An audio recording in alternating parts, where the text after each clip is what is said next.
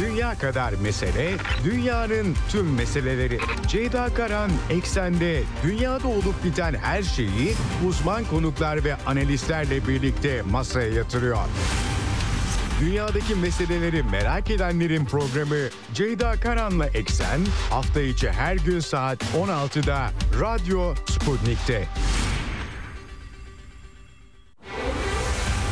Ceyda Karan'la Eksen başlıyor.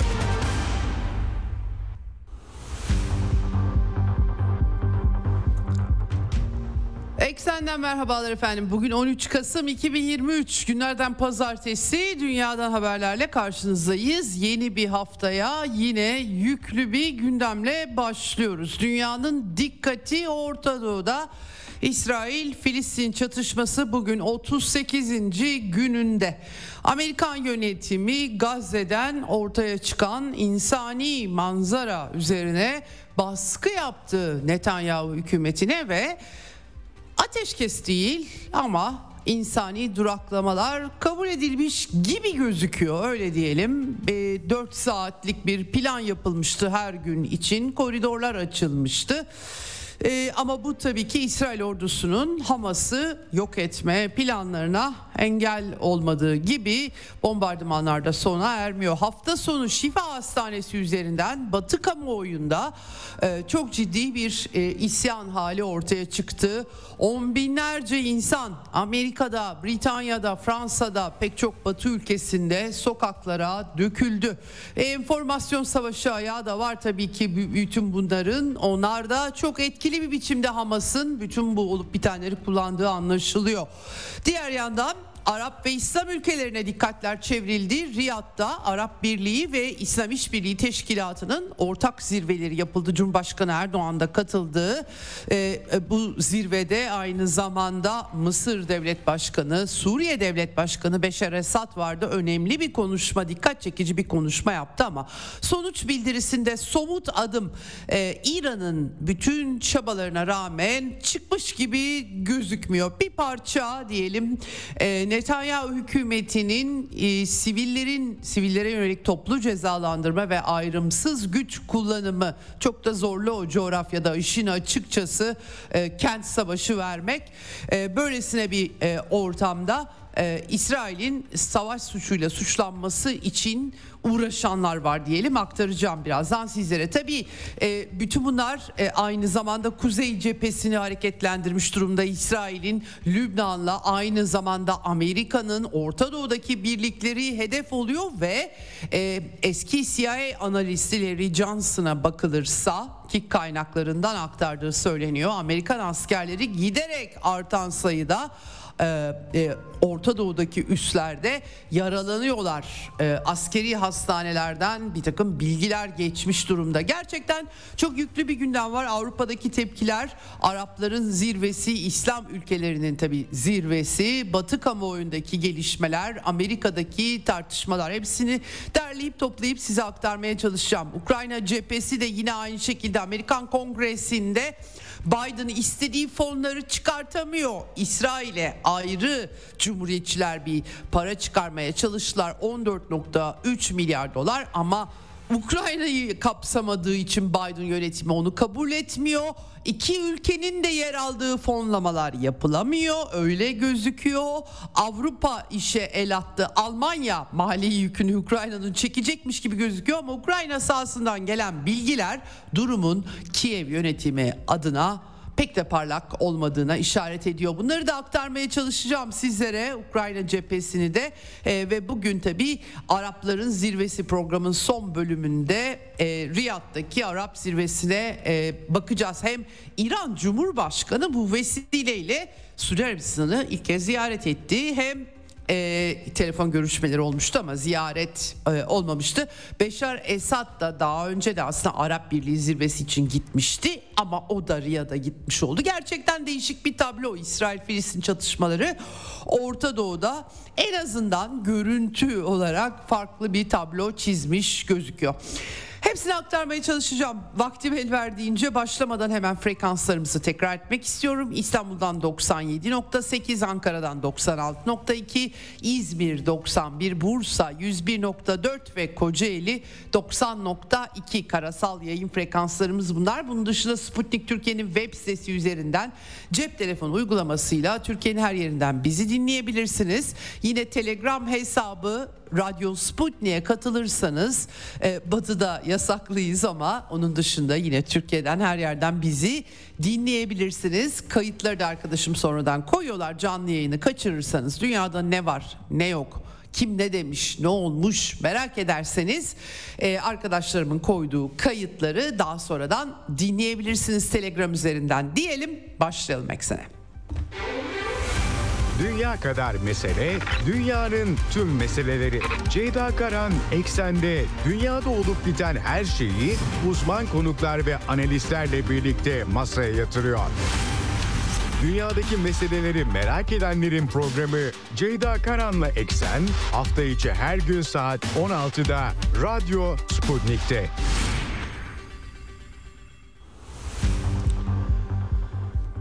Evet İsrail-Filistin çatışması 38. günde İsrail ordusunun kara harekatı kısmen hafta sonunda bir yavaşlama var gibi gözüküyor. Gerçi farklı cephelerden farklı haberler var. Enformasyon savaşı o kadar e, büyük ki yine e, yani e, gerçekten sağlıklı bilgi almak e, zorlaşıyor giderek. E, şimdi tabii e, İsrail ordusu karadan e, Gazze'nin kuzey bölgelerinde tüneller, işte e, e, bunkerlar, yeraltı sığınakları buralara operasyonlar düzenlediğini söylüyordu. Tabii insani manzara o kadar vahimleşti ki Gazze'de e, büyük bir uluslararası baskı oluşmaya başladı. Ee, ölü sayısı Gazze'de 7 Ekim'de Hamas'ın yaptığı saldırıdan bu yana 11 bini aşmış durumda. 8 binden fazlası kadınlar ve çocuklardan oluşuyor. İsrail'de de dikkat çekici UNESCO toplantısı vesilesiyle Dışişleri Bakanlığı İsrail'in bir düzeltme getirmiş. İddiaya göre 1200'e 1400'den 1200'e e, e, düzeltilmiş durumda. 7 Ekim saldırısı Hamas'ın İsrail'in uluslararası planda tanınmış topraklarını baskınıyla her şey başlamıştı. Hatırlayalım ve orada pek çok 240 civarı deniliyor e, asker ve sivil rehin alınmıştı. Şimdi tabii Birleşmiş Milletler zaten orada bir devletleşememe problemi olduğu için Filistin'de BM ajansları çok etkili Gazze'de e, Antonio Guterres'in arka arkaya açıklamaları oldu hafta sonunda. Biraz da daha önce tarihsel bağlama işaret ettiği için İsrail'in çok şimşeklerini çekmişti. E, daha ziyade e, sivillere yönelik çağrılar ve BM çalışanları çok sayıda BM çalışanı 101 olarak verdi e, sayılarını CNN'e e, yaptığı açıklama bu. Ama tabii her yer vuruluyor. Gazze'de şehir savaşına girişmek tehlikeli ve İsrail ordusunun kayıplar verdiği söyleniyor. Tam kesin rakam bilinmiyor elbette. E, hafta sonu 15 binden fazla yerin vurulduğu bütün bu 38 gün içerisinde duyuruldu ve sonuçta ortaya ateşkes değil ama duraklama, insani duraklama diye e, bir mefhum çıktı son yıllarda. Başka yerlerde de görüyoruz. Şimdi e, Cebaliye mülteci kampında geçici ateşkes 4 saat hafta sonu uygulanacağı açıklandı. Saatlerde değişiklik de yapıldı ama hastanelerde insanlar birikmiş gözüküyor ve bunlara El Şifa, El Rantisi, El Nasr o kadar çok iki buçuk milyon bir nüfus var tabi ama çok sayıda da hastane olduğunu anlıyorum. Her yerden bir hastane çıkıyor Gazze'de. Ee, burada e, tahliye koridorları e, açılmış vaziyette İsrail ordusu tarafından hafta sonunda e, ve insani yardım konvoyları da içeriye sokuldu. Tabii gerçekten çok büyük bir insanlık insanlık dramı yaşanıyor Gazze'de. O yüzden de e, İsrail'in biraz mecbur kaldığı anlaşılıyor. Önce 35-53 tır sonra 76 tır daha içeri girdi. Bine yakın insani yardım e, Türkiye'de yolluyor. Habire Mısır'a, insan Rusya'dan da aynı şekilde pek çok ülkeden e, yardım araçları e, gidiyor. Bine yaklaşmış gözüküyor. Hatta geçen hafta ben aktarmıştım size Kıbrıs Rum yönetimi bir e, insani koridor kurma önerisi getiriyor. Filistin'i Filistin özel yönetimi bu durumu sahiplenmiş durumda. Kıbrıs'la Gazze şeridi arasında ama tabii denizden bu nasıl olacak İsrail ablukası var o bir soru işareti. Şimdi bütün hafta sonu e, Batı kamuoyu hastanelerdeki duruma odaklandı. Çünkü Gazze'nin en büyük hastanesi El Şifa Hastanesi den açıklamalar arka arkaya geldi. El Şifa Hastanesi doktorlarının konuşmalarını paylaştı batılı meslektaşları. Oradan ayrılmak zorunda kalan Amerikalıların paylaşımları var e, İsrail e, Şifa Hastanesi'ni kuşatmış gibi gözüküyor. Elektrik de bitti denildiği için ben bunları temkinli söylemek istiyorum. Çünkü size son 30 günde 24 saat sonra 48 saat sonra elektrik gidecek diye haberler veriyorum. Ama e, bunları bu haberlerin kaynağı Gazze'deki daha ziyade Hamas yönetimi 38 günün sonunda artık galiba o 24 saat 48 saat değil ama nihayet e, yakıt e, bitmiş gibi gözüküyor. İsrail ordusunun iddiası El Şifa'nın altında devasa bir sığınak kompleksi. Burada Hamas liderleri böyle bir yerde durabilirler mi? Bilemiyorum açıkçası. 2019'dan 2009'lardan bu yana aslında bir 10 senedir falan sürekli olarak El Şifa'nın altında Hamas e, sığınakları çok sayıda tünel olduğu bunların görüntülerinin bir kısmı yayınlandı bu arada. Hatta Russia Today televizyonda yayınlamıştı. Yani dolayısıyla şöyle bir sıkıntı var var. İsrail'in El Şifa Hastanesi'nin altında gerçekten yığınak bulunduğunu ispatlaması gerekiyor. Yoksa dünya kamuoyunda durum vahim. Sığınak bulunsa bile tabii ki hastanenin vurulması ayrı bir e, problem yaratıyor. Şimdi e, tabii Hamas liderleri daha ziyade Doha'da falan bulunuyorlar. Ailelerinin bir kısmı orada olabilir. Dolayısıyla ölen Filistinli siviller oluyor. Hamas liderliği ne kadar ölüyor onu bilmiyorum.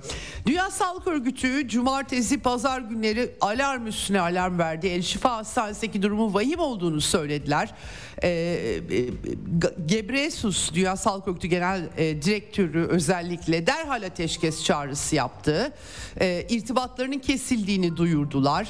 E, aynı şekilde tabii Filistin Sağlık Bakanlığı da e, açıklamalar yaptı. Sınır tanımayan doktorlar örgütü Şifa Hastanesi'ndeki personellerinden haber alamadıklarını söyledi. Gerçi sosyal medyada görüntüler de yayınlanıyor. O yüzden bilemiyorum nasıl oluyor da oluyor. Doğrusu çözemiyorum e, işin aslını. Ama sonuç itibariyle herkes şifa hastanesine odaklandı. Başka hastaneler de var. Endonezya hastanesi elektrik su gitti diyorlar. Mehdi Çocuk Doğum Hastanesi, Kudüs Hastanesi hizmet dışı kaldı deniyor. Ve hastanelerin önemi sivillerin oraya sığınması tabii İsrail'in bombardımanlarının toplu cezalandırmaya varan boyutlara ulaşması. Öyle bir bölgede de başka türlü operasyon yapmakta doğrusu çok mümkün değil. O yüzden muhtemelen e, tahliye e, çağrısı yaptılar. Fakat tabii tahliye çağrısı yaptıklarında da akla nakba geliyor. Geri dönüp dönemeyecekleri geliyor. Çünkü ortada bir siyasi sorun var. Siyasi sorun çözülmedi edilmediği müddetçe doğal olarak insanlar bu çıkarımları yapıyorlar. Şifa Hastanesi'nin müdürü Muhammed Ebu Selmiye'nin e, her dakika hastalar ölüyor e, ve e, dünyaya e, ölümden birkaç dakika uzaktayız diye yaptığı çağrı, mesaj Batı'da doktor arkadaşları tarafından okundu, hekim arkadaşları tarafından okundu. Gözyaşlarıyla Gazze'den çıkan Amerikalı hekimler dahil olmak üzere gerçekten çok dramatik bir e, durum. E, şifa hastanesi üzerinden bir e, e, kuşatma. Yalnız tabii Kuvözler'de 39 bebek öldü diye Hamas kaynakları açıklama yapıp sonra düzeltme yapmak zorunda kaldılar. Ölüm tehdidi altında diye. Hangi bilgi tam olarak doğru bilemeden en azından iddiaları aktarmaya çalışıyor çalışıyorum.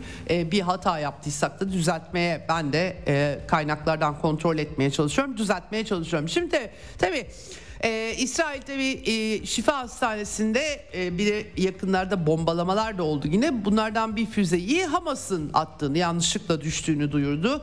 E, 13 kişi hayatını yitirdi onlarca kişi yaralanmıştı. Böyle bir şey olabilir mi? Bu da mümkün tabii ki ama sonuçta İsrail'in şifa hastanesi etrafındaki kuşatması sorumluluğun daha çok kendisinde görülmesine de açıkça yol açıyor. Bir de yakıt teslim ettiklerini söylediler sabah saatlerinde ama Hamas'ın alınmasını engellediğini söylediler. Bu konuda farklı iddialar var öyle bir şey olmadığını da söylüyorlar. İsrail'in oyunu olduğunu da söylüyorlar.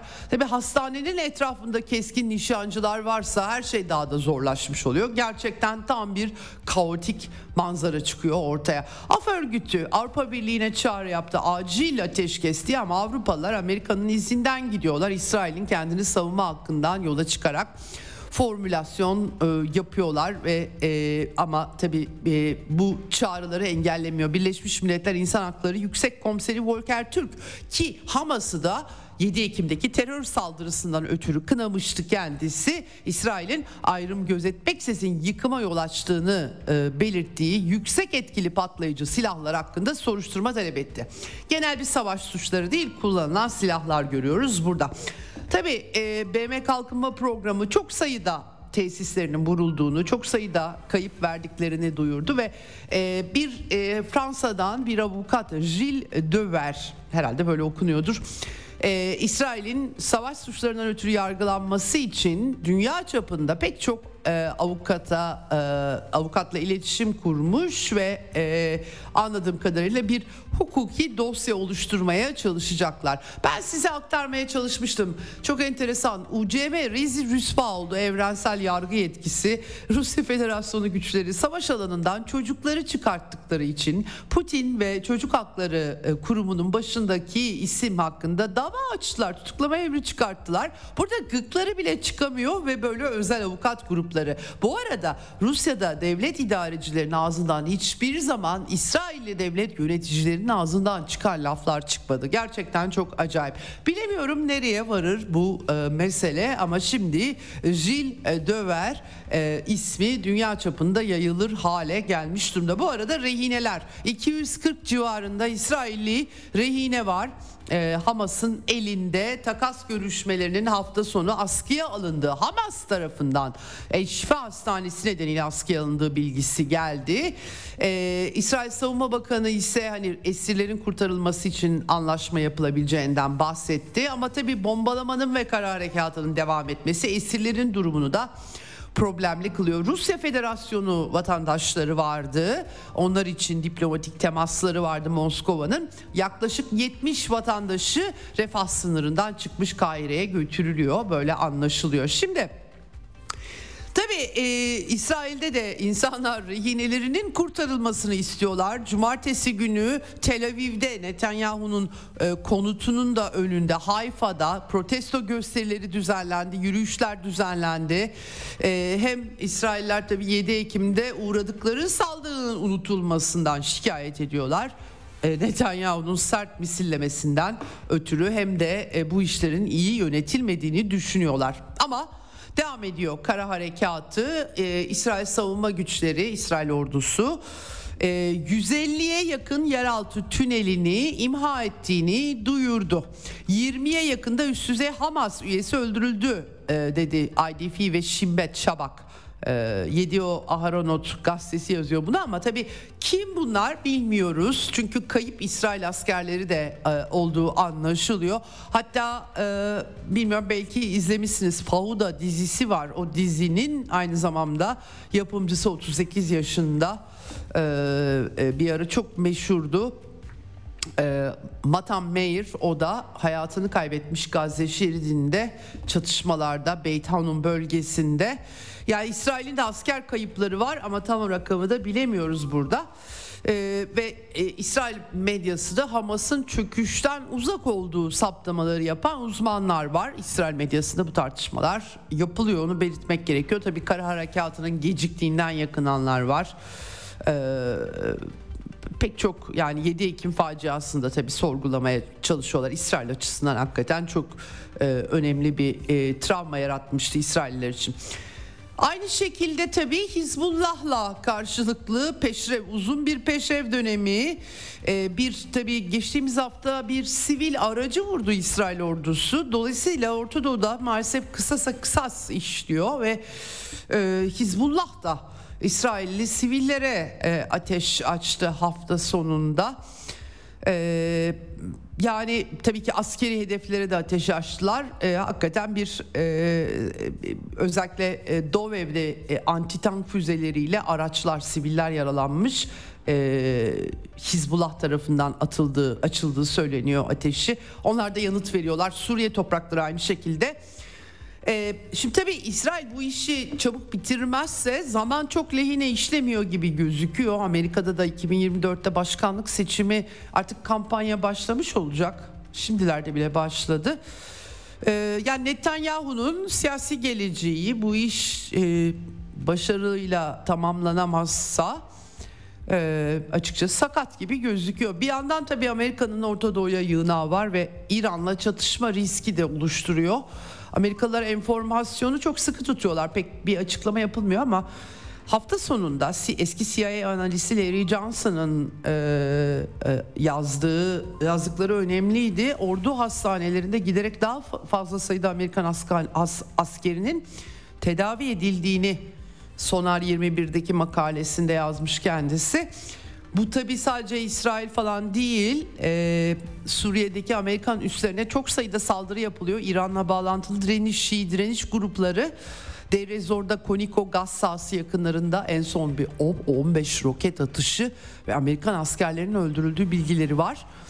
E, bu konuda Amerikalılar geçen hafta karşı saldırı yaptıklarını duyurmuşlardı. Yeniden Suriye'ye hava saldırısı yapılmış İran'a yakın gruplara.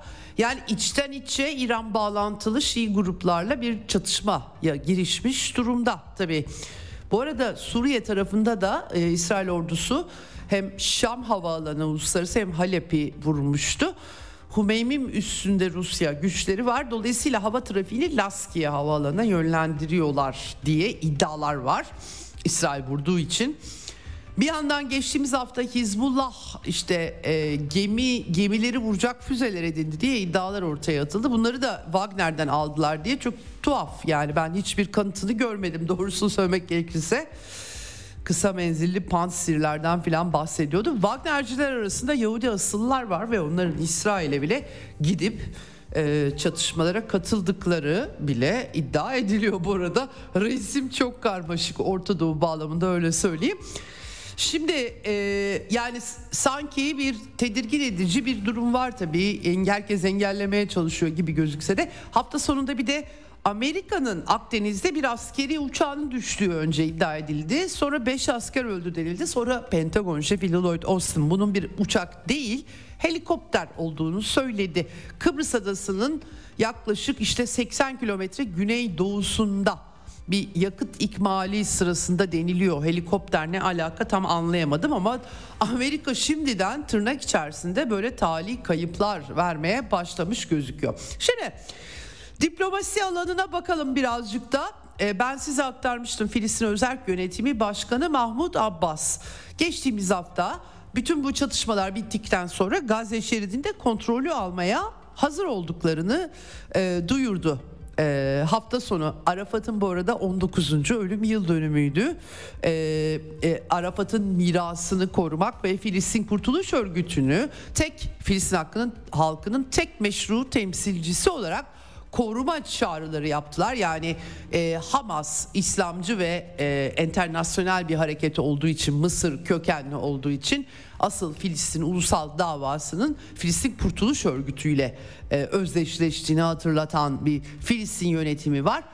E, tabii e, bu e, çerçevede de temsiliyette hakikaten Hamas'ta değil nihayetinde Filistin özel yönetiminde ama Filistin özel yönetimine de çok sayıda işte yolsuzluk vesaire eleştiriler getiriliyor.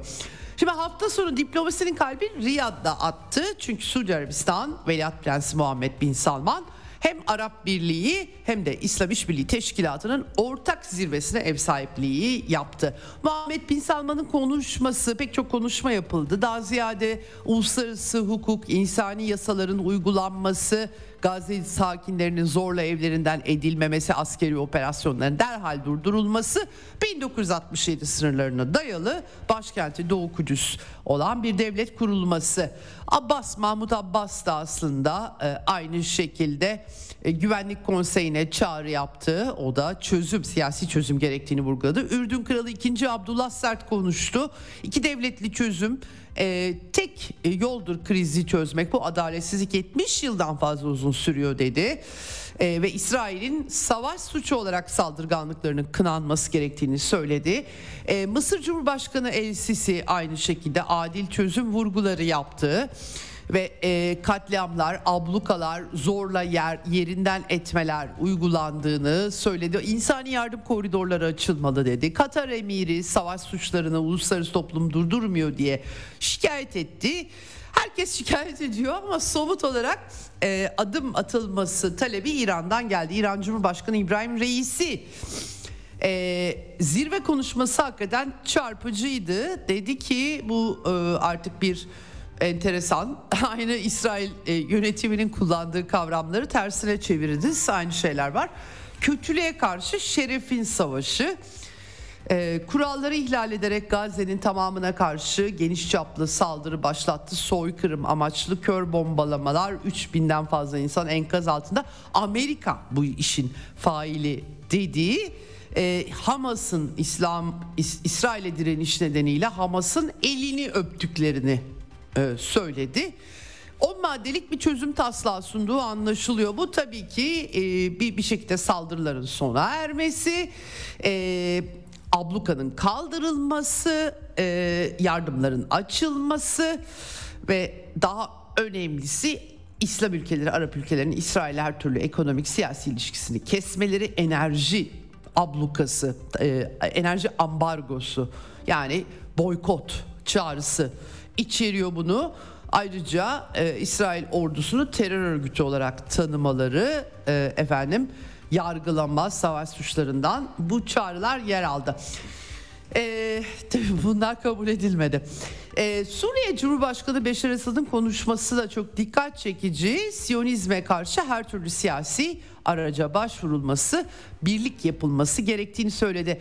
32 yıldır başarısız bir barışla birlikte 75 yıldır Siyonist suçlara karşı uzanan ee, bir olay bu. Bu sadece Gazze ile alakalı değil. Gazze bütünün bir parçası dedi ve Arap ülkelerinin birleşerek bir şey yapmaları gerektiğini söyledi.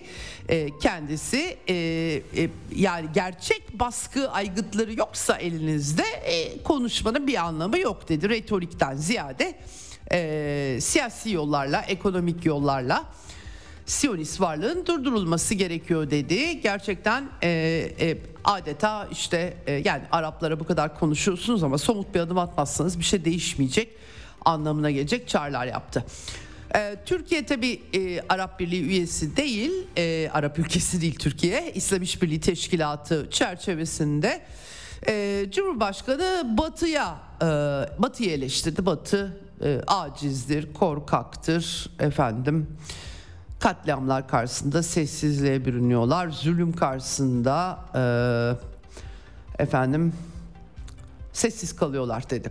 Cumhurbaşkanının da retoriği çok güçlü e, öyle net olarak anlaşılıyor.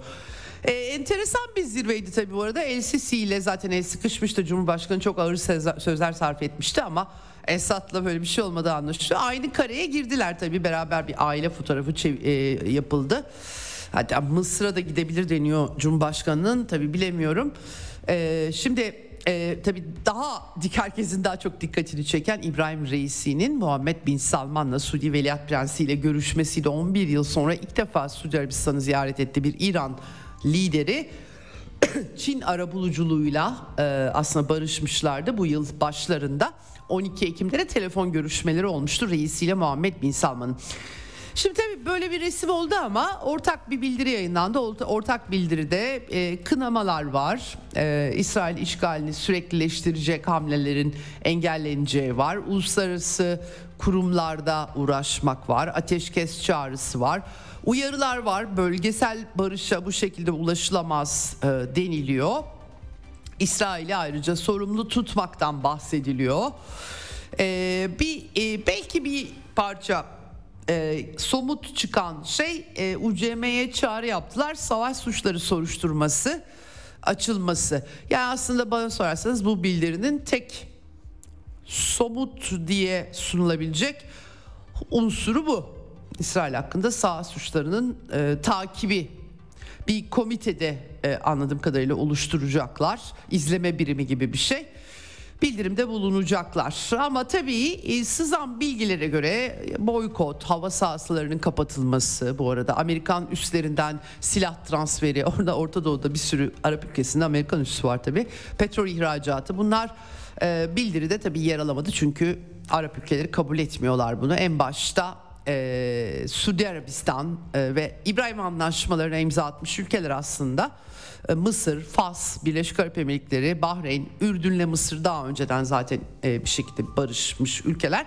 Ayrıca Türkiye ve Azerbaycan'ın da e, bütün güçlü retoriğe rağmen İsrail karşısında somut bir adım atmaktan yana olmadığı anlaşılıyor. Bu zirveden sızan bilgiler bu şekilde oldu.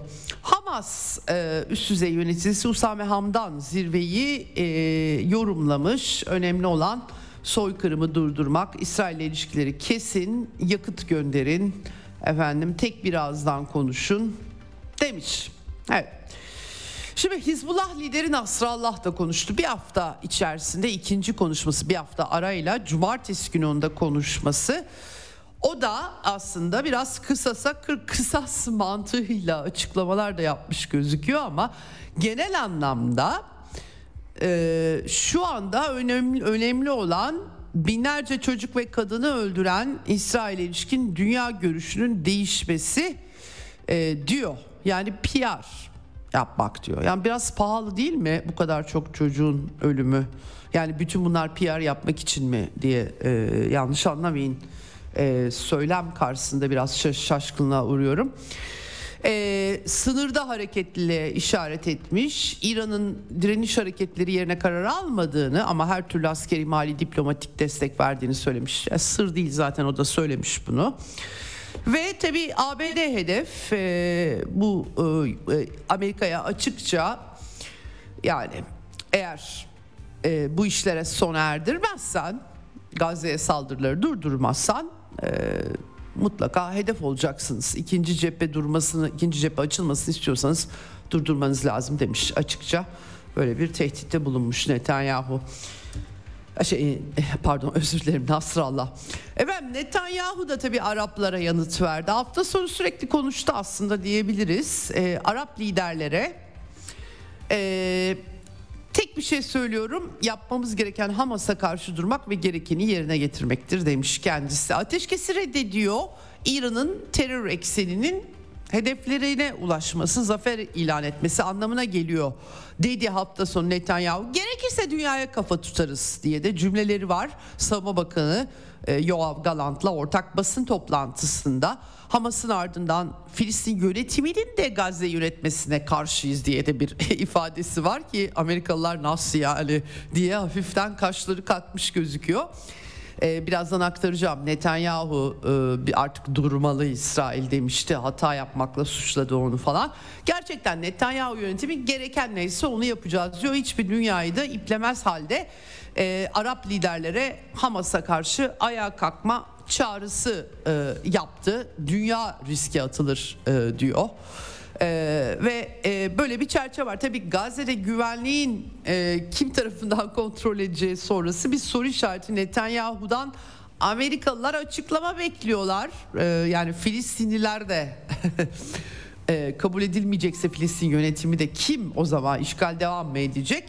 İsrail'in Washington Büyükelçisi Michael Herzog e, işgal gibi niyetleri olmadığını söylemiş ama e, Filistinlerin kendi kendini yönetmesi yani tabii kendi böyle biraz zor bu işler kendi kendini yönetmesi. Vaktiyle de Filistin özerk yönetiminden vazgeçsin Filistinler diye az yatırım yapmadılar siyasal İslamcılara. Hamas sandıktan Gazze'de çıktığı zaman Batı kamuoyu yaşasın demokrasi diye heyecan yapmıştı. Çok iyi hatırlıyorum ben. Aslında Filistin yönetimini, laik Filistin yönetiminin altına oyup Hamas'ı güçlendiren de İsrail ve Batı'dan daha şeyi değildi. Yani e, Batı ülkeleri yaptı bunları. Şimdi Filistinlerin kendi kendilerini yönetmesinden kasıtları nedir? E, biraz açmaları gerekiyor ama bu tartışmaları yapabilmek bile mümkün değil maalesef bu çatışma ortamında.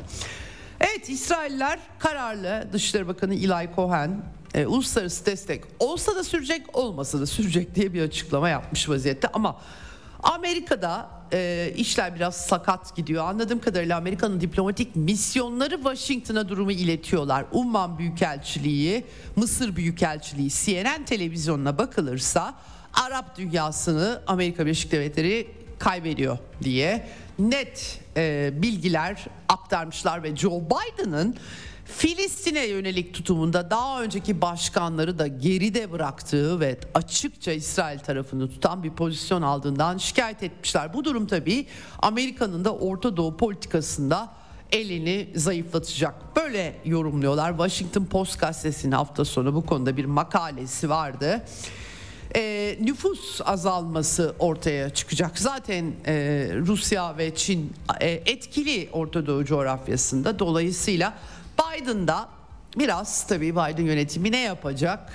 Biraz sıkıntılı bir durum oluşturuyor. E, hakikaten e, Amerikalılar buradan na, nasıl çıkacaklar merak ediyorum. Ben de Jake Sullivan ulusal güvenlik danışmanı Biden'ın e, CBS televizyonunda Face the Nation'a konuk oldu hafta sonu ve açıkça hastanelerde masum insanların hastaların hedef olduğu çatışmalar görmek istemiyoruz dedi. Yani başka türlü kent savaşı yürütemezler. E, sivilleri de tahliye edemiyorlar. Oradaki Hamas direnci de etkilidir. Muhtemelen Filistinlilerin de direnci vardır. Yani kaçınılmaz olarak gitmek isteyenlerin de başı dertte zaten. Çok büyük bir e, e, ikilem. Çok net. Dolayısıyla ya o zaman ateşkes yaptıracaksınız İsrail'e. Ya başka çünkü şey yok bunun e, çözüm yolu yok. E, bu hale getirildiği için kriz yani hem rehineleri kurtarmak hem yani öyle hastanelerde masum insanlar tabii ki hastaneleri İsrail'in vurması inanılır gibi değil dehşete kapılıyor insan ama sonuç itibariyle o kadar yoğun bir iki buçuk milyon insanın 40 kilometreye 12 6 ya da eninde bir bölgede mümkün değil başka türlü çatışma verilemez. Çok çok gerçekten sıkıntılı bir resim. Bu durumda yani en aklı selim, en, en insani şey ateşkes ilan edilmesi. Ama o zaman da Hamas gibi bir siyasal İslamcı örgütü İsrail'in muhatap almasına yol açacak ya da garantörlük mekanizması olabilir. Neyin garantörü olacak o da ayrı bir soru. Gerçekten Orta Doğu e, Filistin-İsrail meselesi bu kadar e, hakikaten e, bir yumağa dönüşmüş bir mesele elbette. Şimdi e, e, bu, bu konuda tabii ee, İsrail için Amerikan Kongresi'nde fon da çıkartmakta zorlanıyorlar. Bu arada şey kapanacak. Meşhur bütçe krizleri her yıl bu haberleri yapıyoruz. Amerikan Amerikan Kongresi'nde uzlaşma olmuyor. Ee, geçici bir takım e, şeyler e, önerilirdi ama e, yeni temsilciler meclisi Cumhuriyetçi Başkanı Mike Johnson bu sefer İsrail ve Ukrayna'yı da koymamış içine. Joe Biden yönetimi 105-106 milyar dolar çıkarmaya çalışıyor. Çoğu Ukrayna'ya, karambolde Ukrayna'yı o fonlamaya İsrail ile birlikte çıkartmaya çalışıyor. Cumhuriyetçiler kabul etmiyorlar falan derken e, Amerikan hükümeti kapanacak bütçe yapılamadığı için geçici bütçe paketi önermiş ve içinde İlk başta İsrail'le ayrı bir yardım şeyi de önerilmişti. O onu kabul etmiyor. İlla Ukrayna'da olacak istiyor Biden. Dolayısıyla Mike Johnson ikisini de koymamış işine. Böyle enteresan bir durum. Evet e, tabii e, Rusya'nın tepkileri var. E, Gazze şeridinde askeri kontrol sürdürmek niyetlerinin BM kararlarına uymadığını belirtiyor Rusya Dışişleri Bakan Yardımcısı uluslararası hukuka atıf yapmış ve çifte standartlar tabii ki İsrail eylemlerinde e, e, e, bu arada Rusya Federasyonu'nun Hamas'ın hareketlerini kınadığının altını çizmiş ama aynı zamanda da İsrail'in uluslararası hukuk ihlallerinin kabul edilemezliğinin altını çizmiş vaziyette. Rusya Suriye'de bu arada Nusra cephesi El-Kaide militanlarının yeraltı sığınakları eğitim kamplarında vurmuş durumda. 34 militan etkisiz kılınmış. Bunlar eskiden Hamas'la dirsek teması içerisinde operasyon yürütüyorlardı. Şimdi devran döndü bir acayip durum oluştu. Evet şimdi e, Cumhurbaşkanı bu arada e, Riyad'dan dönü, dönerken uçakta Suudi Arabistan'dan dönüşte açıklamalar yaptı. Hamas'ı e, Filistin'deki seçimlerin galibi bir siyasi parti olarak bakıyorum ben dedi. Niye e, illa terör örgütü görmemi istiyorsunuz? Aslında doğru bir anımsatma. 2000'li yılların başında Batılılar da aynen böyle bakıyorlardı ama kendileri desteklediler. Zaten siyasal İslam'ı Batı destekledi. Bugün Orta Doğu'da e, bir takım ülkelerde siyasal İslamcılar iktidardaysa bunun baş sorumlusu Amerika Birleşik Devletleri ve Avrupalılar. Doğru söylüyor Cumhurbaşkanı hakikaten. Onlar da siyasi parti olarak bakıyorlardı. Onlar da Filistin yönetiminin altı oyulsun istiyorlardı. Hatırlasanıza başörtüsünü savunuyorlardı. Şimdi devran döndü. İran'a bakıp başörtüsü özgürlüğünden bahsediyorlar. Çıkarma özgürlüğünden. O dönemde Türkiye'de de başörtüsünü savundu Batılılar. Öyle bir ilkesellikleri falan yok. Vallahi doğru söylüyor Cumhurbaşkanı. Hamas Gazze'de sandıktan çıktığında çok mutlu olmuştu efendim Batılılar. Şimdi terörist diyorlar. Hep kandırılıyorlar, hep kandırılıyorlar. Doğru diyor Cumhurbaşkanı. Velhasıl e, Cumhurbaşkanı e, Gazze Filistin toprağıdır. Amerika'nın kabullenmesi lazım. Bir takım şeyler söylemiş Cumhurbaşkanı e, işin doğrusu. E, Blinken yeni buradaydı. Herhalde bizi bundan sonra Biden ağırlar. Benim Biden'ı aramam şık olmaz gibi bir takım cümleler de kurmuş. Amerika'ya gitmek istiyor herhalde öyle bir arzusu olduğunu anlıyorum. E, şimdi tabii e, Netanyahu ile ilgili de dün e, pazar günü ey Netanyahu şu an senin iyi günlerin gidicisin gidici diye açıklamaları var. Alma mazlumun ahını çıkar aheste aheste e, demiş. Efendim. Ee, şimdi e, bu hafta Berlin'e gidecek Olaf Scholz Almanya Başbakanı'na konuk olacak Cumhurbaşkanı. Hem ikili ilişkiler hem bölgesel meseleler. Burada tabii ki Gazze diplomasisi yapacak anladığım kadarıyla. Türkiye somut e, adım atamıyor İsrail'e karşı. Boykot vesaire öyle şeyler zaten yapamıyor. Artık o günler geçmiş gözüküyor. E, ama e, diplomasi arenasında Cumhurbaşkanı'nın üslubuyla Avrupalılara e, muhtemelen güçlü mesajlar verecek 17 Kasım Cuma günü Scholz'la bir araya gelecekmiş. Aynı zamanda sonra Cezayir'e geçecek. İran Cumhurbaşkanı Türkiye'ye gelecek. Yani bir e, bir e, Gazze Filistin davası üzerinden üzerine tesis edilmiş bir Türk dış politikası resmi göreceğiz öyle anlaşılıyor. Bu arada Vladimir Putin'le de görüşme gündemde diye bir açıklama yapılmış ama Kremlin'den henüz böyle bir telefon diplomasisi e, Putin'in programında yok. Kolay yani e, gerekiyorsa konuşuruz diye de açıklama yapmış Dimitri Peskov. Evet e, Cumhurbaşkanı Berlin'e gidecek Avrupa karışık tabi Londra hafta sonu gerçekten ben de Irak işgali sırasında bir tek böyle bir Amerika'ya tepki Avrupa'da en son hatırladığım onca olay oldu. E, Donbas'ta o kadar sivil öldürüldü Ukraynalı banderacılar tarafından hiç umurlarında bile olmadı Avrupalıların. Tam tersi neonazi banderacıları e, 7-24 medyaları yayın yaptığı için destekleyen bir Avrupa halkı çıktı. Irak 2003 işgalinden bu yana ilk kez Londra'da bu kadar devasa gösteriler ben görüyorum. E, bu arada tabii İçişleri Bakanı e, e, Suela Braverman görevden oldu. Çünkü e, hem X hesabından hem makaleler yazdı. E, polisi kınadı Filistinli gruplara müdahale etmedikleri için antisemitizmle kirle, kirleniyor Londra sokakları dediği ve görevden alındı. Yerine Dışişleri Bakanı James Cleverly atandı Rishi Sunak tarafından, Başbakan tarafından. Dışişleri Bakanı ama yeni Dışişleri Bakanı da bu arada enteresan bir biçimde e, Brexit'in mimarı David Cameron olmuş. Bir şekilde kendisi Brexitçi değildi ama Brexit'e sebep olmuştu. Yeni Dışişleri Bakanı olarak atandı. Muhafazakar Parti'yi 13 yıl sonra iktidara taşıyan isimdi kendisi. Sonra Avrupa Birliği'nden çıkma tartışmalarında peki o zaman referandum dedi. Anti Brexit kampanya yürüttü. Yenildi Britanya AB'den çıktı falan. Karışık bir tablo. Şimdi neden böyle oluyor tabii Londra'da Avrupa'da? Çünkü Orta Doğu'da o kadar çok savaşlar çıkarttı ki bu Batılılar Amerika'nın öncülüğünde. O kadar çok sığınmacı insan Avrupa'ya aktı ki yani kendi eski sömürgelerinden gelenler de var tabii ki ama onun da haricinde artık bu ülkelerde bir lobi oluştu. Yani eskiden işte Yahudi lobisi güçlüyken artık Arap lobisi güçleniyor efendim. Böyle bir manzara var. İşin bu ayağını kimse çok hesaba katmıyor. Sokaklarda tabii ki hareketleniyor. Ayrıca Gazze'den gelen görüntüler gerçekten korkunç olduğu için doğal olarak insanlar bu kadar bebek çocuk görüntüsü görünce kendilerini dışarıya atıyorlar. Evet yani e, Macron Fransa ilk çatlak buradan gelmişti zaten. BM'de biraz daha farklı tavır, tavır takınmıştı Fransa. BBC'ye fiili olarak bugün siviller bombalanıyor. Fiili olarak bebekler, kadınlar, yaşlılar öldürülüyor. Bunun hiçbir gerekçesi meşruiyeti yoktur. Bu yüzden İsrail'i durmaya çağırıyoruz dedi. Çok büyük tepkisini çekti Netanyahu yönetiminin. Avrupa Birliği Dış İlişkiler Şefi Joseph Borrell çatışmalara derhal ara verilmeli Nasıl yani? Açıkça ateşkes çağrısı da yapmıyor. Öyle arada derede sıkışmış bir vaziyette çatışma bölgesini siviller terk etsin. İşte o da o zaman tabii iş değişiyor.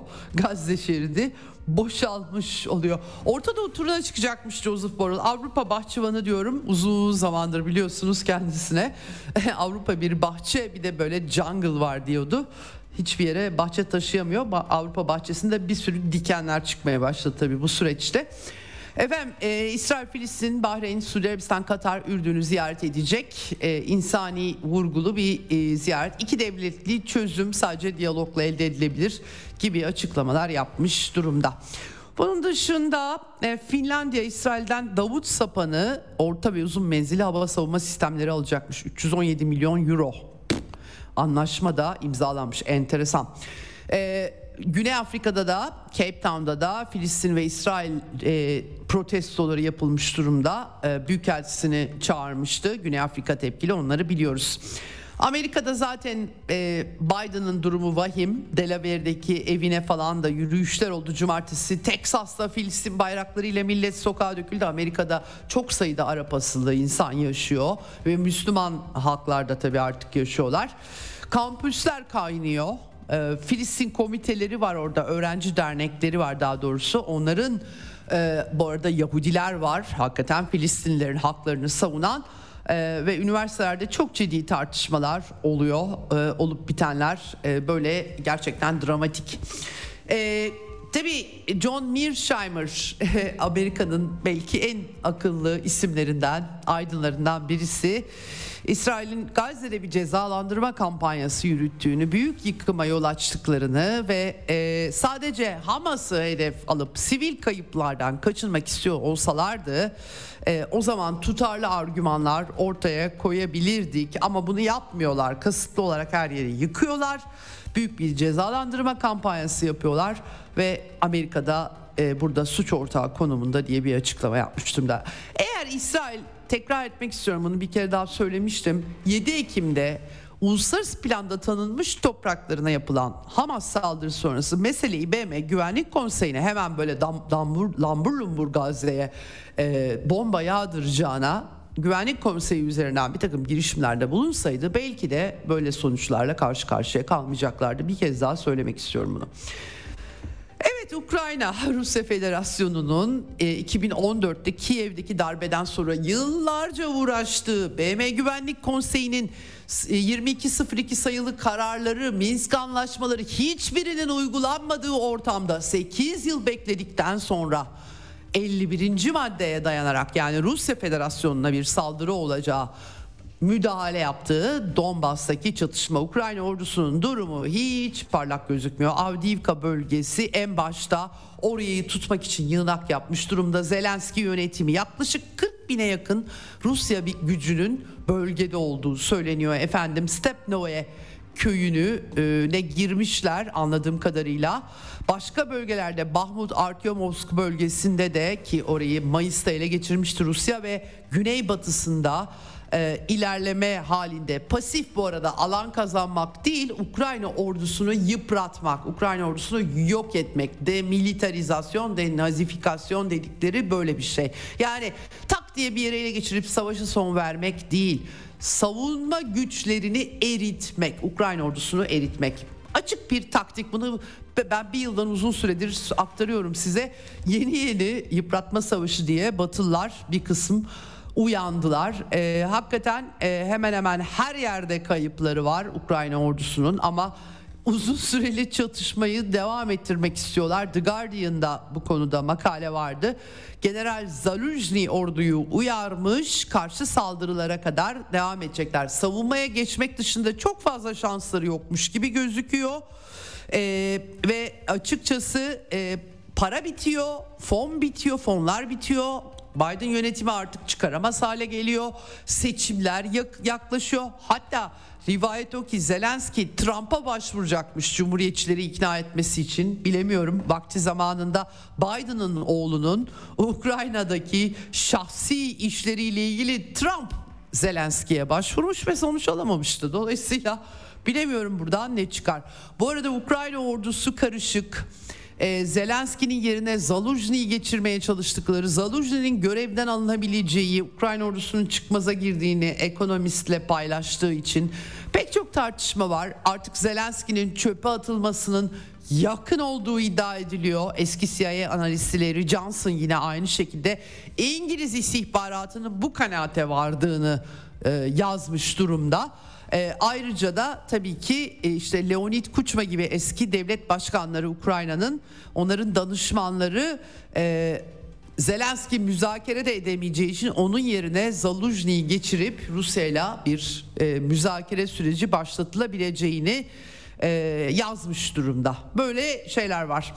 Eski NATO Avrupa Kuvvetler Komutanı burada Stavridis'in Türkiye'de pek iyi, gayet de iyi tanınır.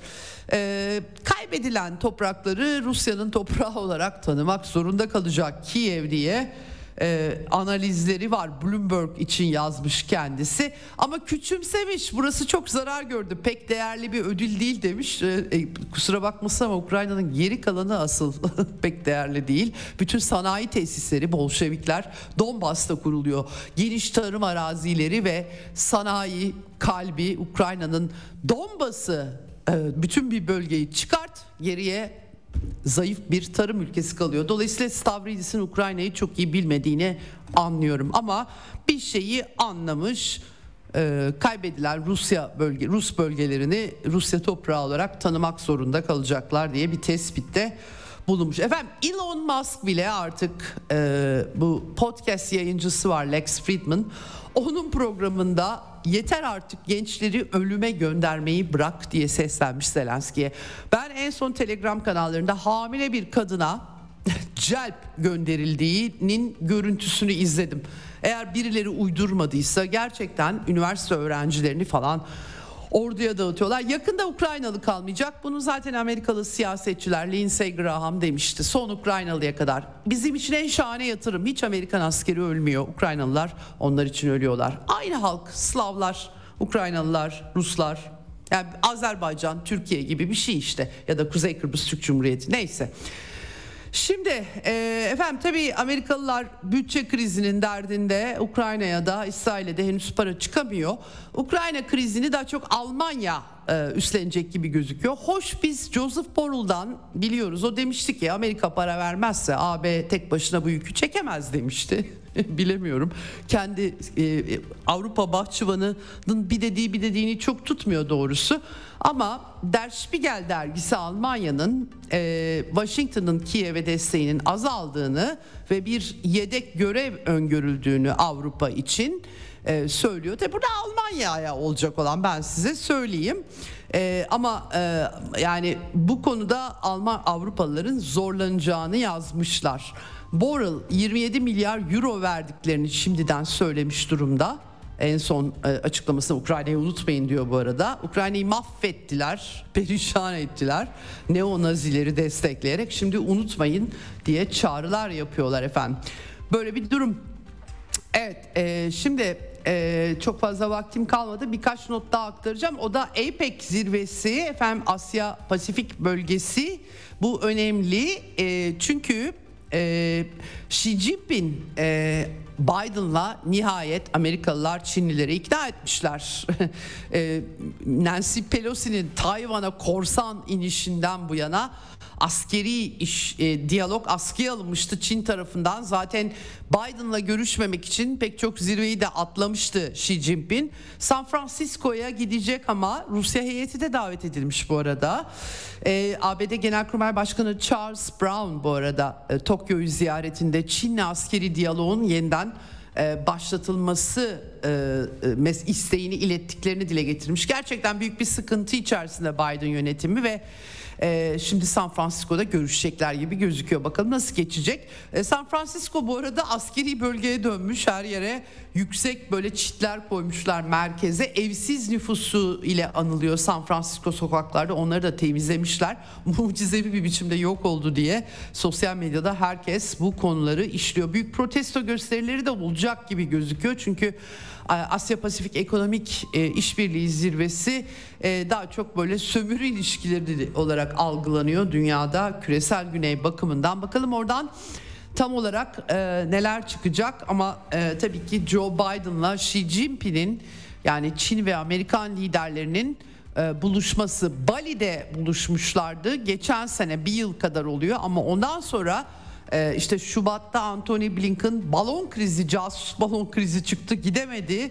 Amerika tarafı sürekli tırmandırdı krizi ve bir türlü ilişkileri rayına oturtamadılar. En azından diyaloğu diyelim hasım olarak görüyorlar ama böyle bir çerçeve var ortada San Francisco'da. Evet şimdi çok kısa bir tanıtım e, arası vereceğiz. Hemen ardından Arap Birliği ve İslam İşbirliği Teşkilatı zirvesi ne konuşacağız? Sarkis Kassarciyan Suriye'ye bağlanacağız. E, dış politika yazarı, analisti Sarkis Kassarciyan konuğum olacak efendim.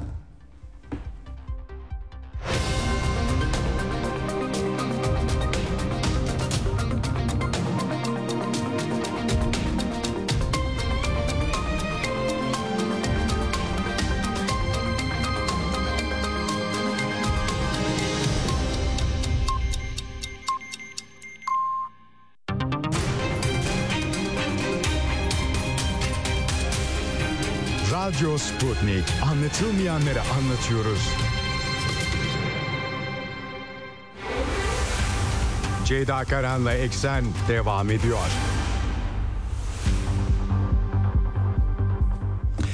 Evet Eksen'in son bölümündeyiz. Ee, Şam'a bağlanıyoruz. Telefon hattımızın diğer ucunda Sarkis Kasarcıyan var. Hoş geldin yayınımıza Sarkis. Çok teşekkür ediyorum katıldığın için. Ben Merhaba, ben teşekkür ederim. İyi yayınlar dilerim. Ben teşekkür ediyorum tekrardan. Şimdi Sarkis hafta sonu e, tabii artık İsrail-Filistin bağlamını konuşuyoruz. 38 gündür hakikaten Gazze'den hepimizi çok üzen görüntülerle karşı karşıyayız. İlk defa Arap ve İslam ülkelerinin bir e, olağanüstü zirvesi oldu e, Riyad'da ve çok çarpıcıydı. E, sen hem Arap coğrafyasını yakından takip ediyorsun biliyorum hem de e, Suriye Cumhurbaşkanı Beşar Esad'da Riyad'a gitti. Hakikaten e, belki e, somut olarak da çok bir şey çıkmamış gözüküyor ama Esad'ın yaptığı konuşma da çok dikkat çekiciydi. Yani retorik tek başına bir işe yaramaz. Somut adım atmanız gerekiyor konuşması. Ee, öncelikle Suriye'de bütün bunlar nasıl değerlendiriliyor? Daha ziyade yönetimde, halkta. Biraz onu aktarabilir misin? Zirve değerlendirmeni de senin ekleyerek. Ee, öncelikle bunları almak isterim. Şimdi e, doğru söyledin yani bir, pek bir şey çıkmadı zirveden e, ama pek bir şey hı hı. çıkacağı da e, hiç kimse beklemiyordu. Yani o da hı hı. bir gerçek. Hı hı. Çünkü aslında zaten yani Arap dünyası ya da işte İslam Birliği zaten orada bir birlik birlikten söz edemeyiz artık. Yani bu yeni bir şey değil. 2012'den evet. başlayarak e, mesela işte Libya konusunda da bir ayrışma vardı. Tunus konusunda da, Mısır konusunda da, Suriye konusunda da bu e, Arap Baharı e, sürecinde ve şimdi de işte Filistin meselesinde her zaman bir bölüşme var. Orada en önemli olan işte onun içinde yalnızca Arap Birliği yapmadılar. Bir Arap ve İslam Birliği beraberce bir e, toplantı hmm. oldu. Orada da e, üç yani böyle üç kategoride ülkeler vardı. Yani bu e, konuyu e, hiç yakından e, bu konuyla ilgilenmeyen ülkeler kategorisi var. E, bir de işte bu konuyla ilgileniyor e, imajı vermeye çalışan ama aslında e, pek de somut adımlar atmak istemeyen ülkeler var. Bir de bu konuyu aslında kendi iç siyaseti konusu olarak gören ülkeler kategorisi vardı. Ee, hmm. Şimdi bence e, en en önemli e, sorun aslında şuradan kaynaklanıyor ki ben e, bunu da birçok işte ister e, körfez e, siyaseti analizcilerinden de duydum ister ee, işte e, Morok, e, Fas, işte Algeria, e, Tunisia o bölgelerden. Aslında Arap dünyasında şöyle bir düşünce var diyelim. İşte Hamas ve Hamas'a yakın olan ülkeler İran'la Katar e, biraz da Suriye yani Suriye ikinci e, mertebede e, görünüyor. Çünkü ilk e, en çok yakın olanlar aslında e, İran ve Evet. Katar siyasi ofi- büroyu da e, göze alırsak Türkiye. Şimdi Körfez'de böyle bir şey var. Zaten bu Hamas'ın e, bu son operasyonu aslında e, kısmen İsrail Suudi Arabistan yakınlaşmasını bozmaya ya da işte e, ortalıkta yine e, siyasi e, kartların karıştırma ya e, hedefleyen bir operasyondu. E, zaten birçok körfez ülkesi İsrail'le ilişkiler içinde birçok ülkede e, ilişkileri düzelmeye çalışıyor. Şimdi bu bölümde çıkıp da Hamas böyle bir operasyon yaptıysa bizim e, planlarımızı, gelecekteki projelerimizi bir yana koyup da Hamas'ın arkasından koşma zorunluluğu duymuyoruz dediler. Yani bu ülkeler böyle bakıyorlar bu işe. Yani işte e, mesela Suudi Arabistan'ın bu aşamada e, birçok e, yani tabii ki ku- kulisler e, arkasında birçok görüşme olmuştur. E, yani Evet. Doğrudan görüşme değilse de bir arabulucu yoluyla olmuştur. O, orada talepler de bulunmuştur kesinlikle Suudi Arabistan. Çünkü Suudi Arabistan yalnızca işbirliği normalleşmesini istemiyor. Yani Filistinlilere de bazı haklar alıp da işte onları Filistinlilere sunup e, bu normalleşmenin sonucunda bakın böyle haklara ulaştık Evet. demeye çalışıyordur. Ben öyle düşünüyorum. Evet. E şimdi Evet. birdenbire bu süreç kesildi ve Suudi Arabistan bu süreci kesme zorunda e, kaldı. Şimdi kestikten sonra artık çıkıp da işte biz petrol siyasetimizi ya da e, e, Suudi Arabistan'ın 2030 e, vizyonu var. O vizyonun viz- vizyona vizyonu işte riske e, atan bir siyasi e, adımlar geliştirmek zorunda değiliz Evet. Dediler. Ee, onun içinde zaten e, yani bu zirveden bir sonuç çıkmayacağı belliydi. Şimdi orada Evet. dediğiniz gibi e, Esad biraz e, her zamanki e, şeyi e, konuşmayı yeniden dinletmeye çalıştı. Ama aslında da bu da bir gerçek. Suriye'nin de pek çok yapacağı bir şey yok orada. Niye Ee? Çünkü, Sarkis şunu e, sorabilir miyim? Suriye'de- Ee, şunu e, şunu sorabilir miyim? Tabii e, Hamas'la son e, 10 senede Suriye'nin maceraları var e, hepimizin bildiği. E, bayağı aygıta dönüşmüştü Hamas ama ona rağmen de affettiği söyleniyor e, Suriye liderliğinin. E, yine de herhalde bir e, e, tabii Suriye'nin de elinden e, gelmeyenler var. Biraz Arap Birliği vurguları yapmaya mı çalıştı? Esad'ın konuşmasını nasıl anlamak lazım e, burada? Valla her konuşması da öyle bence. Bir de e, fo- e, fotoğrafı çekme çektiğinde de e, duruşu da e, öyle bir imaj e, imaj veriyordu aslında. Yani mesela İran Cumhurbaşkanı'yla e, e, ya da Mahmud Abbas'ın e, yanında e, durmadı e, fotoğrafta. E, Sisi'nin yanında durdu.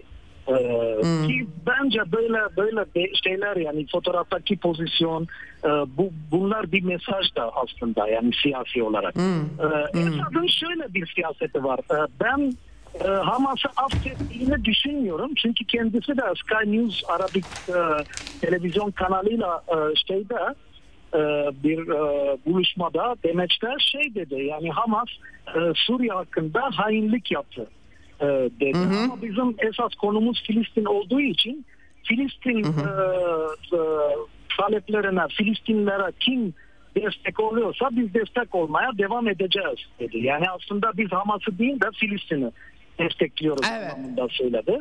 Evet, Ee, Benim evet. bilgilerime göre de e, siyasi e, büroyla e, ilişkileri o kadar da iyi değil Şam'ın. E, daha iyi olan aslında askeri yani Kassam e, e, e, şeyle Kanadıyla e, ilişkileri e, iyi. O, doğrudan e, ilişkiler o, var ama o kadar yakın değil önceki gibi.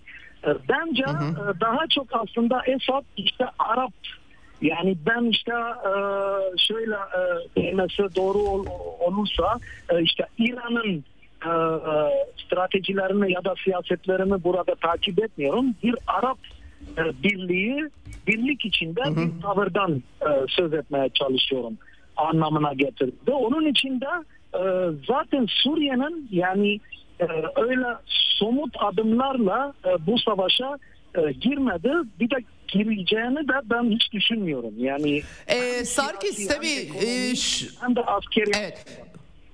Evet şunu da sormak istiyorum tabii burada e, bu çatışmanın bölgesel anlamda genişlemesinde en büyük risk yine Suriye'nin üzerine oluyor. Yani yarın öbür gün e, hakikaten e, daha ki şimdiden Deir Zor sahasında Amerikan üslerinin İran'la bağlantılı bir şekilde Şii gruplar tarafından direniş grupları tarafından vurulduğu bilgileri var ama yarın öbür gün hakikaten genişlerse kontrolden çıkarsa o zaman Suriye vurulacak. Yine olan Suriye olacak.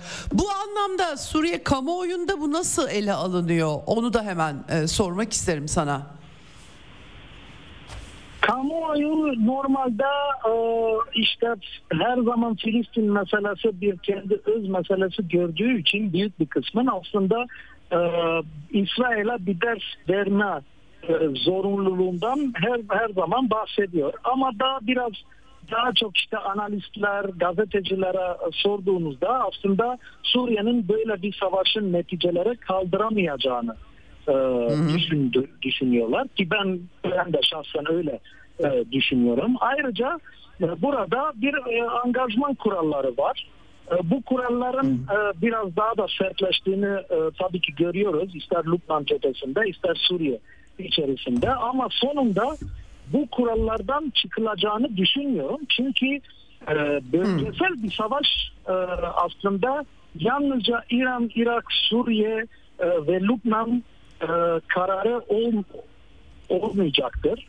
Ki zaten Irak'ta da Lübnan'da da öyle e, genel anlamda bir karar yok. Yani e, hükümet e, düzeyinde Irak'ta savaşı reddediyor. Lübnan'da yani orada daha çok milisler üstünden e, Evet. savaş, bu angajman kuralları içerisinde e, e, savaşlar ya da çatışmalar bazen e, sertleşiyor.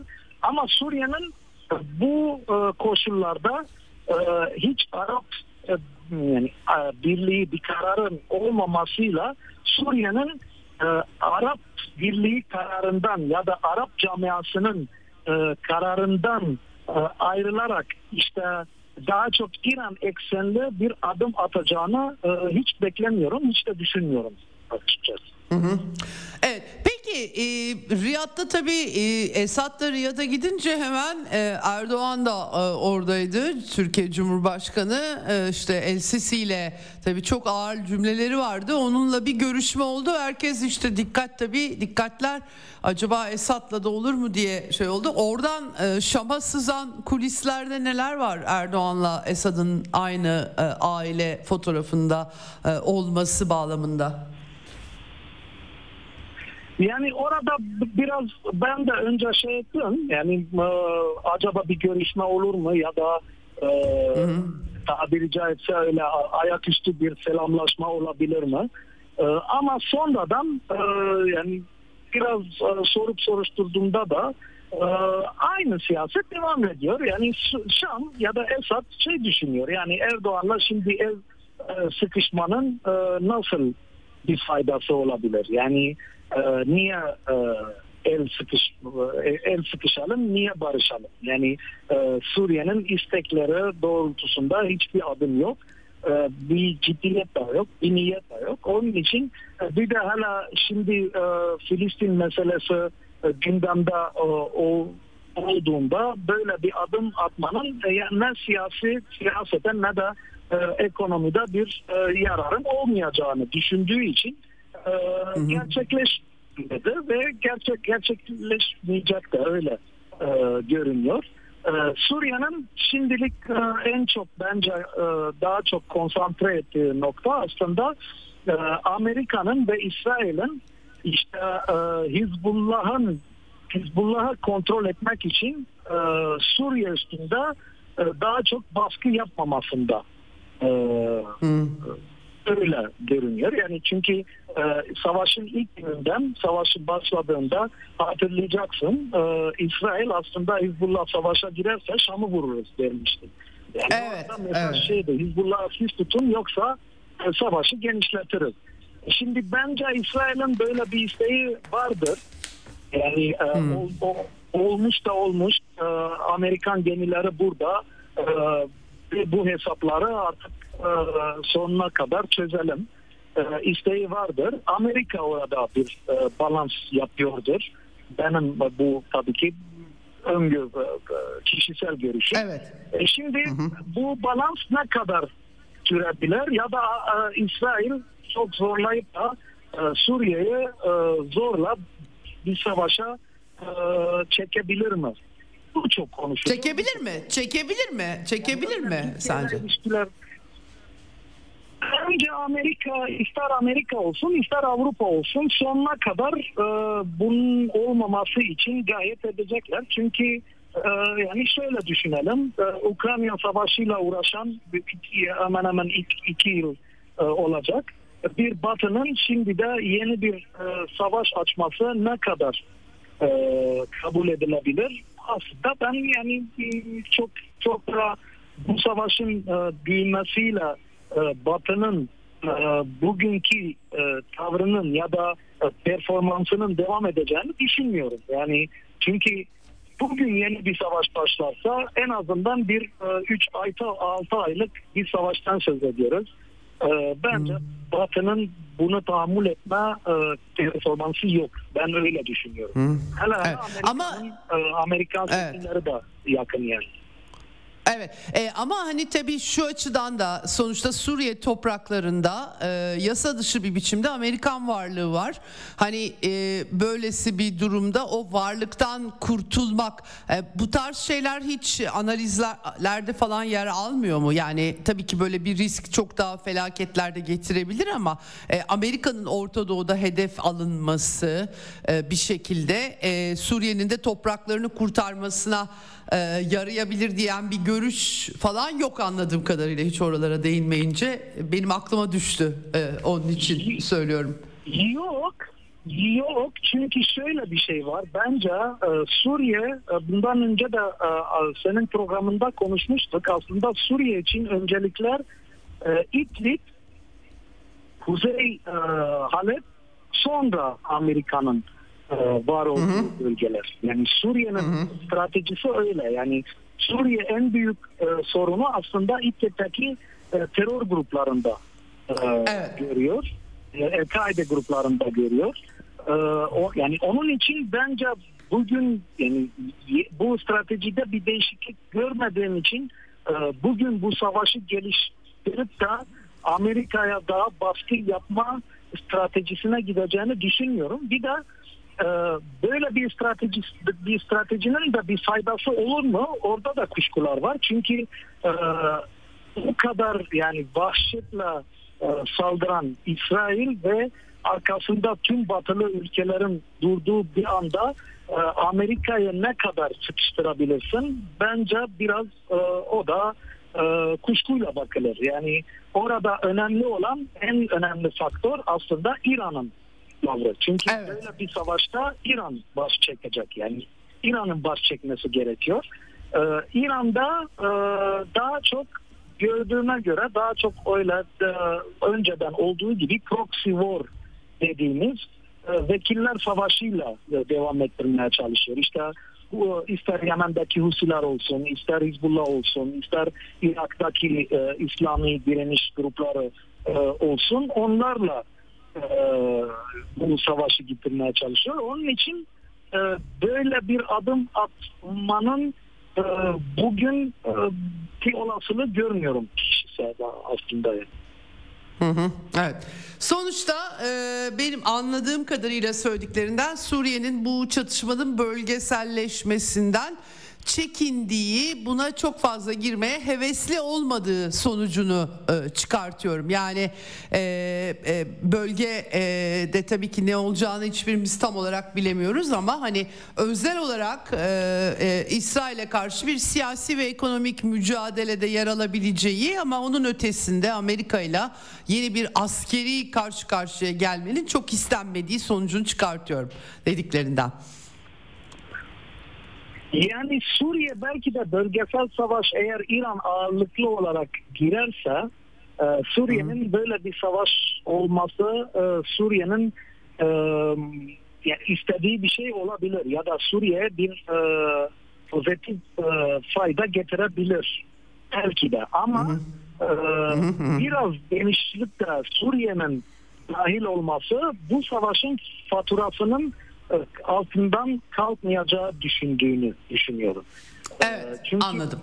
yani e, bugün e, şartlarıyla yani yarın savaş diyelim. Çünkü Suriye'de bugün ne, ne barış var ne de savaş var aslında. Yarı barış, yarı savaş e, bu pozisyonunda bile işte elektriğin çok az olduğu, işte yakıtın çok az olduğu, ekonomik ağır sıkıntı altında olan bir Suriye e, öyle uzunca bir savaşa girerse e, nasıl olur e, hali yani biraz e, şeydir. Onun için Evet. e, bu savaşın yani ya tüm bölgeyi kapsayan İran'ın e, ağırlıklı artık savaşın bir, bir parçası e, olup da girdiğinde girebilir ya da e, öyle proxy war dediğimiz sonunda Suriye böyle bir düşünüyor. Yani e, burada bir devlet, bir hükümet ve bir orduyuz biz. E, o öbür e, proxy'ler gibi e, savaş yapamayız ya da e, anti kuralları içerisinde bir çatışmaya giremeyiz. Gireceksek savaşa gireceğiz. Yani öyle. Evet. Tabii. Tabii. Evet. Çok teşekkür ediyorum Sarkis. Ee, Hakikaten e, yani Suriye'den görünen manzarayı merak ettim. Çünkü e, bu e, toplantı e, Arap ve e, İslam İşbirliği Teşkilat toplantısı çok büyük sonuçlar üretmemiş gözüküyor. Ama burada tabii İran'la birlikte Suriye'nin e, liderinin mesajları da dikkat çekici mesajlar oldu. E, değerlendirmeler oradaki e, kamuoyunun e, görüşlerini aktardığın için tekrar teşekkür ediyorum. Ben teşekkür ederim. İyi yayınlar dilerim. Sağ olun. Evet Sarkis Kasarcıyan'a sorduk. Hakikaten e, önemli Suriye'nin tutumu şundan tabii yıllarca Filistin davası Suriye kamuoyunda da çok önemsenen bir davadır. E, diğer yandan da vatandaşlık da verilmez çünkü kendi topraklarına geri dönüşleri fikrinden hareketle düşünüldüğü içindir bu. E, gerçi çok köprülerin altından sular aktı Suriye'de ama diğer yandan da 2011 sürecindeki rejim değişikliği ajandalarını Amerika Birleşik Devletleri ve tabii ki İsrail'de Hamas gibi örgütler üzerinden yürüttüler. Hamas'tan El-Kaide'ye, El-Kaide'den IŞİD'e uzanan siyasal İslamcı gruplar üzerinden yürüttüler. O süreçte Hamas özellikle Suriye devletine karşı bir tavır almıştı ve Şam Şam'ı da terk etmişti hatırlayalım. Tabii sonra e, yakın tarihi tekrar kafamızda canlandırırsak Suriye projesi büyük bir başarısızlığa dönüşmüştü ve projenin katılımcıları birbirlerine düşmüşlerdi. Türkiye'den tutun da işte Suudi Arabistan'a, Birleşik Arap Emirlikleri'ne uzanan pek çok ülke ee, Birleşik Arap, e, Suudi Arabistan'la Katar arası bozuldu. Kara kediler girdi ve onların tamir edilmesi için birkaç yıl zaman geçmesi gerektiği Türkiye'nin malum e, tamamen politikalarından vazgeçmesi, e, İhvan e, hattı tesisi mümkün olamadı bölgede. Aslına bakarsanız Orta Doğu bölgesinde ihvan çöktü. Ee, bir tek Filistin davası üzerine e, oturan İhvan, Filistin Hamas'ı yani e, Filistinlerin Müslüman kardeşleri Hamas, Hamas dediğimiz örgüt aslında e, bir tek o, o da Filistin davası olduğu için sahiplenildi. Çünkü Suriye çatışması sırasında Hamas'ın tutumu çok büyük eleştiriye hedef olmuş idi. Ee, sonra liderlik değişiklikleri denildi falan böyle biraz işler hatlar karıştı ama tabii Sarkis'in dikkat çektiği bir nokta vardı çünkü Suriye yönetimi affetti deni diye düşünülüyordu. Ben Hamas'ı affettiğini düşünmüyorum diye yanıtladı benim sorumu. Ee, tabii ki e, gerçekten bölgedeki e, siyasi aktörlerin e, karmaşık pozisyonlarıyla da e, ilintili bir cephe. E, bütün bu olup bitenler biraz öyle. Şimdi mesela BM e, e, Güvenlik Konseyi Genel Kurulu gibi böyle uluslararası platformlarda da Macaristan örneğin. Şimdi Batılılar biliyorsunuz dosyaları önümüze şöyle sunuyorlar. Demokrasi, otoriterlik böyle bir ikilem. Hiçbir sosyoekonomik analiz yok. Bir yerde demokrasiler var, bir, bir yerde otokrasiler var. Macaristan otokrasiydi birdenbire Amerika ve İsrail safında yer almaya başladı. Bütün o dikatomik e, her şey çöp oldu. Macaristan'ı nereye koyacağız şimdi Amerika ile aynı tavrı alıyor. Herkesin kafasını karıştıran çok fazla denklem var burada. Onu belirtmek istiyorum, altını çizmek istiyorum. Ee, sonuç itibariyle önümüzdeki resmin arka planındaki siyasi ve ideolojik zemini akıldan çıkarmadan Sivil can kaybı denilen mefhumun siyasi bir olay olduğu, siyasi bir sorunla alakalı olduğunu unutmadan bakmak gerektiğini düşünüyorum. Naçizane kanaatim. Evet bugünlük bu kadar eksenden yarın görüşmek üzere. Hoşçakalın efendim. Ceyda Karan'la Eksen sona erdi. Dünya kadar mesele, dünyanın tüm meseleleri. Ceyda Karan Eksen'de dünyada olup biten her şeyi uzman konuklar ve analistlerle birlikte masaya yatırıyor. Dünyadaki meseleleri merak edenlerin programı Ceyda Karan'la Eksen hafta içi her gün saat 16'da Radyo Sputnik'te.